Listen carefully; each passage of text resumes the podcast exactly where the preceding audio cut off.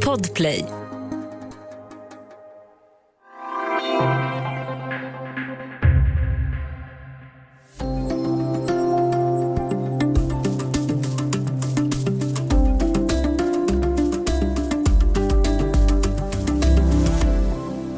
Sommar vill vi grilla grönsaker som gärna närodlats om knuten eller på tomten.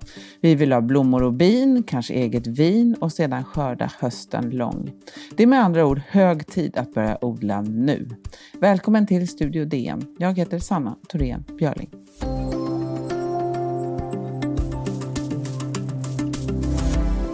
Om man är ett frö, då behöver man vatten, solsken, kärlek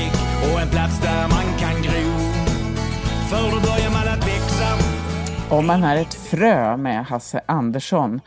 Ja, man vill gärna ha prunkande, rensade rabatter och massor av grönsaker som gälla faller ut mogna i lagom takt sommaren igenom. Men vet vi inte också att det kräver oändligt mycket arbete? Säkert en hel del talang och definitivt gröna fingrar. Men det måste faktiskt inte vara så svårt. DNs reporter och matredaktör Elin Peters har skrivit om frö förodling. Välkommen Elin! Hej Sanna! Nu höll jag på att säga fröodling, men det är nästan samma sak. Men du, förodling, vad är det för någonting? Varför ska man ägna sig åt det?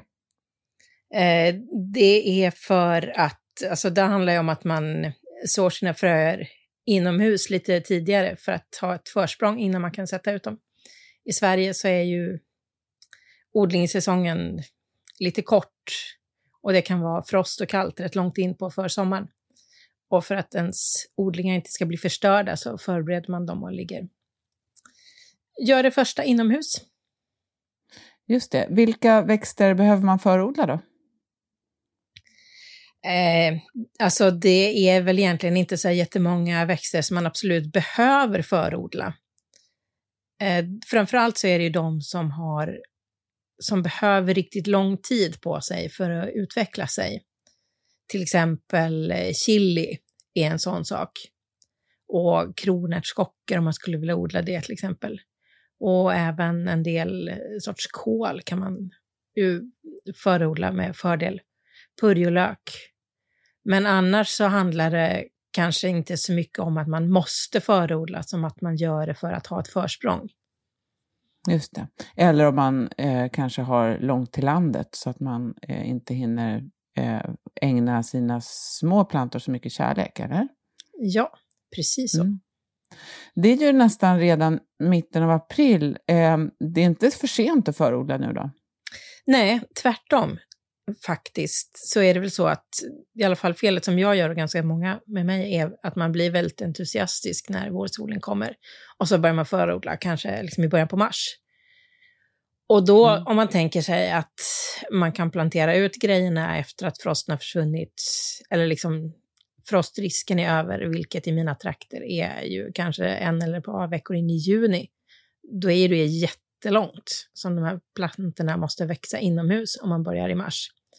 Och då har de hunnit bli långa, mentaniga och ranka och mår inte så jättebra. Så det är bättre att liksom räkna, kolla på fröpåsarna lite hur lång tid plantorna behöver och sen så räkna bakåt från då när man tror att man kan plantera ut dem och ligga kanske fyra, sex veckor innan dess.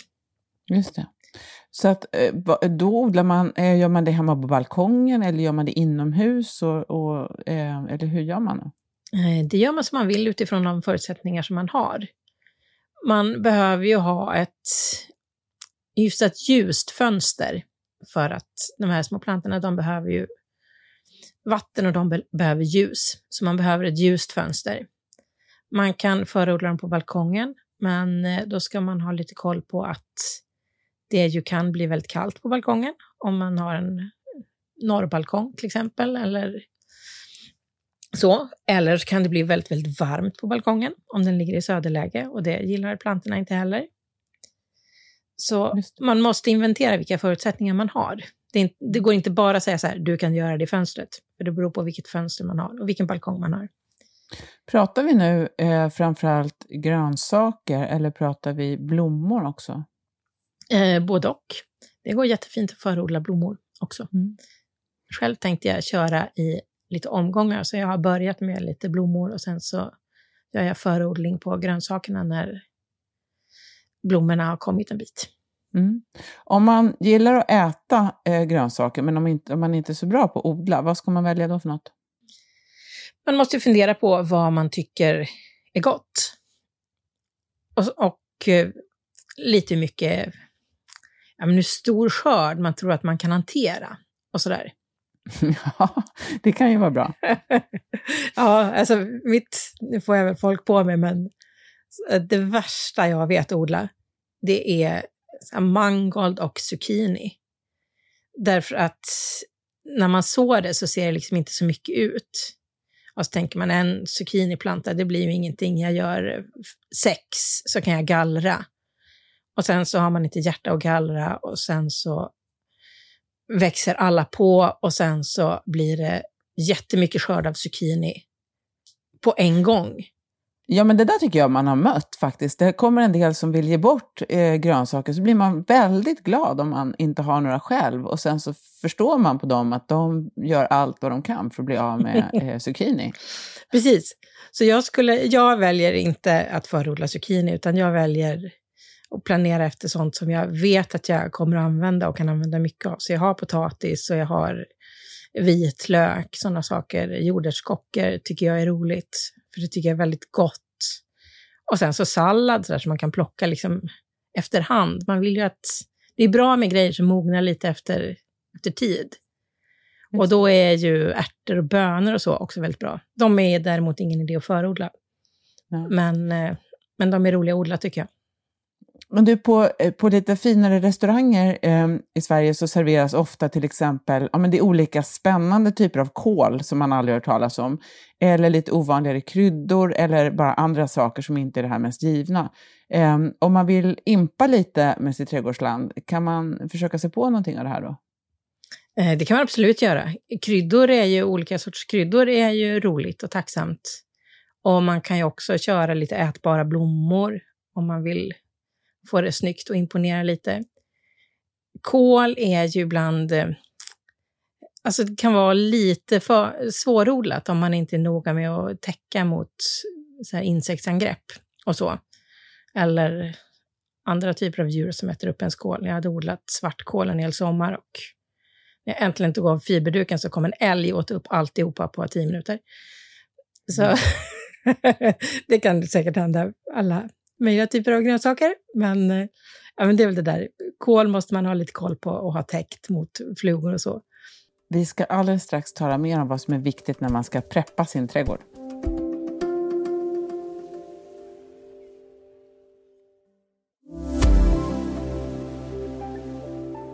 Studio DN idag, vi pratar med Elin Peters om vad man behöver för att förodla och hur man gör det för att få ett riktigt maffigt trädgårdsland. Eh, Elin, du var inne på att man behöver då en, ett ljust fönster eller möjligen en, en hyfsat eh, varm balkong. Eh, vad, är, vad behöver man mer om man ska förodla hemma? Man behöver ha något att förodla i. Lite jord är ju bra. Det finns olika typer av så här, substrat som man kan använda, men om man är på en nybörjarnivå är det väl ändå skönt att börja med lite jord. Jord behöver man och så är det som Hasse Andersson säger, man behöver ett litet frö. Man behöver lite vatten och lite kärlek. Så klarar man sig ganska långt. Man kan ju odla i, liksom, man kan göra små, små krukor av tidningspapper eller odla i mjölkkartonger. Och man behöver inte alls ha någon avancerad utrustning. Just det. Är det svårt att sätta ut plantorna sen? Blir de chockskadade när man sätter ner dem i vanliga jorden? Eller? Eh, ja, det kan de bli. Mm. Så man måste vara lite noga med att eh, avhärda dem, som det heter. När de har vuxit och blivit så pass stora så att... Alltså I vissa fall så kan det ju vara så att man behöver skola om dem en gång och plantera över dem i lite större krukor. Eh, för att de ska kunna växa ytterligare ett tag innan man sätter ut dem. Och sen så när man då vill plantera ut dem i, i verkligheten, i naturen, då kan de ju vara liksom känsliga mot sol till exempel. Så om man bara skjutsar ut sina nya fina små inomhusplantor i gassande sol, då kan de bli brännskadade. Så därför så ska man tänka på att man liksom behöver ha lite utrymme och tid för att avhärda dem. Och alltså bära sina plantor lite ut och in ett par dagar och vänja dem stegvis vid solen. Och se till att man binder upp dem så att de inte knäcks ifall det blåser och sådana där saker. Just det, det låter ju som en lite mer eh, avancerad, eh, ett, ett känsligt moment här. Sen sätter man då ut dem och hur gör man då för att klara sig undan ogräs och, och älgar då, vad du är inne på, men även mindre odjur som till exempel mördarsniglar. Eh, pallkragar pratas det ju ibland om. Vad kan man göra för att klara sig undan sånt här? Eh, nu för tiden finns det ju jättemycket liksom, hjälpmedel i trädgårdsaffärerna. Och bland annat så finns det ju mycket så här smidiga fiberdukar som man bara kan dra över pallkragar. Och de skyddar ju små plantor mot både sol och kyla och ganska mycket insekter och sådär. Så eh, de har hjälpt mig jättemycket. Sen har inte jag några stora problem med mördarsniglar, så jag har inte behövt fundera på det. Men där finns det också så här snigelkanter och grejer som man kan sätta på. Jag vet inte hur bra det fungerar. Men roligast är ju om man faktiskt kan få till ett, alltså ett fungerande ekosystem i sin trädgård. Där det inte blir invasion av mördarsniglar. Just. Och då kan man ju till exempel anlägga en, en liten damm eller kanske en, en, något större damm som är så pass stor så att liksom, groddjur till exempel kan flytta in. Därför att de käkar sniglar. Och det kan minska problemet lite. Och, ja, men har man insekter så får man hjälp med fåglar som kommer och äter och sådär. Då får man en eget eh, litet ekosystem där, ja. eh, och sen får man biologisk mångfald för att alltihopa drar till sig alla möjliga olika arter. Eh, det där att bygga en damm, det är ju väldigt spännande. Det ju, låter ju som överskurs, men det är ju kanske inte riktigt eh, det. Vilka är fördelarna då med att ha en damm i trädgården? Du var inne på det att de eh, käkar mördarsniglar, eh, grodorna, men det kan finnas fler fördelar. Ja, alltså man får ju en, alltså en större rikhet av eh, olika arter. Och det gör, alltså variation är ju bra i trädgården. Monokulturer är tråkigt och biologisk mångfald är roligare i trädgården. För att man får, alltså dels får man ju mer att titta på också. Man får både flera insekter och man kan ha andra typer av växter i sin damm och så.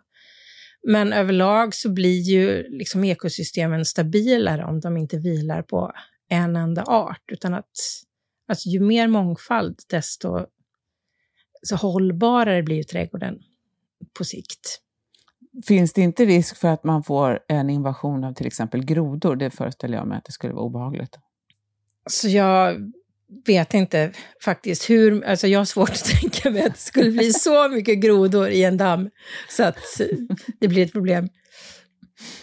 Eh, det brukar ju, alltså är det ett fungerande ekosystem så brukar ju det där reglera sig självt. Om man är rädd för att det ska komma jättemycket myggor så kan man och bo i dammen så kan man tänka att då kommer också mycket fåglar som äter mygglarverna och alla de här små grod, smågrodorna som du är rädd för, de kommer nog konkurrera ut varandra, för jag tror inte att det kan överleva hur mycket grodor som helst i din damm. De kommer att söka sig vidare. Till. Just det.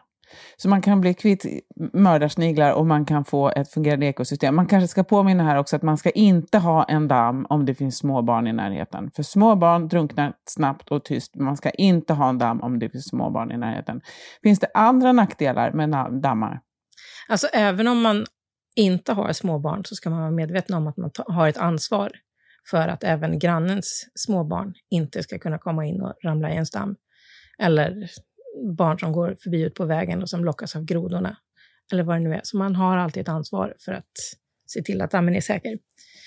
Eh, sen kan man ju säga att, om man bortser från det, så kan man säga att en damm kräver ändå eh, viss typ av eh, arbetsinsats och lite underhåll. Man, eh, till att börja med så ska man ju anlägga dammen och det är en hel del grävning och sådär som krävs. Och sen så behöver man underhålla den lite så att det inte är för skräpigt i den och man får fylla på vatten ibland om det har, har försvunnit. Och, ja. Just det. Se till att man har, har, lite bra växter i den som gör att man kan, man kan ju inte bara ha liksom balja med vatten. Utan vill man ha det här ekosystemet så behöver man också ha lite olika typer av växter. Just det. Det låter ju väldigt härligt det här, både med grönsaker och blommor och dammar och så. Eh, Elin, du är ju också matredaktör eh, och du odlar. Vad tycker du bäst eh, kombinerar, om man vill kombinera en smakupplevelse med en rimlig avkastning på nedlagt arbete här om man ska odla. Vad, vad tycker du är det maffigaste, bästa att satsa på då? Bönor och ärtor tycker jag är bra. Sockerärtor är roligt därför att de växer snabbt och så kan man gå och äta dem direkt i trädgården och bara norpa lite. Och bönor är bra för att de kommer liksom under en lång tid. De funkar jättebra att frysa. Man kan ha dem sen i frysen hela vintern och ta upp en liten påse med bönor när som helst. Och så är de så väldigt goda och går och varierar mycket. Så det och sen så lite, lite bra örter från trädgården. Så ja, det räcker fint. Det räcker fint. Tusen tack Elin Peters för att du var med idag. Tack Sanna.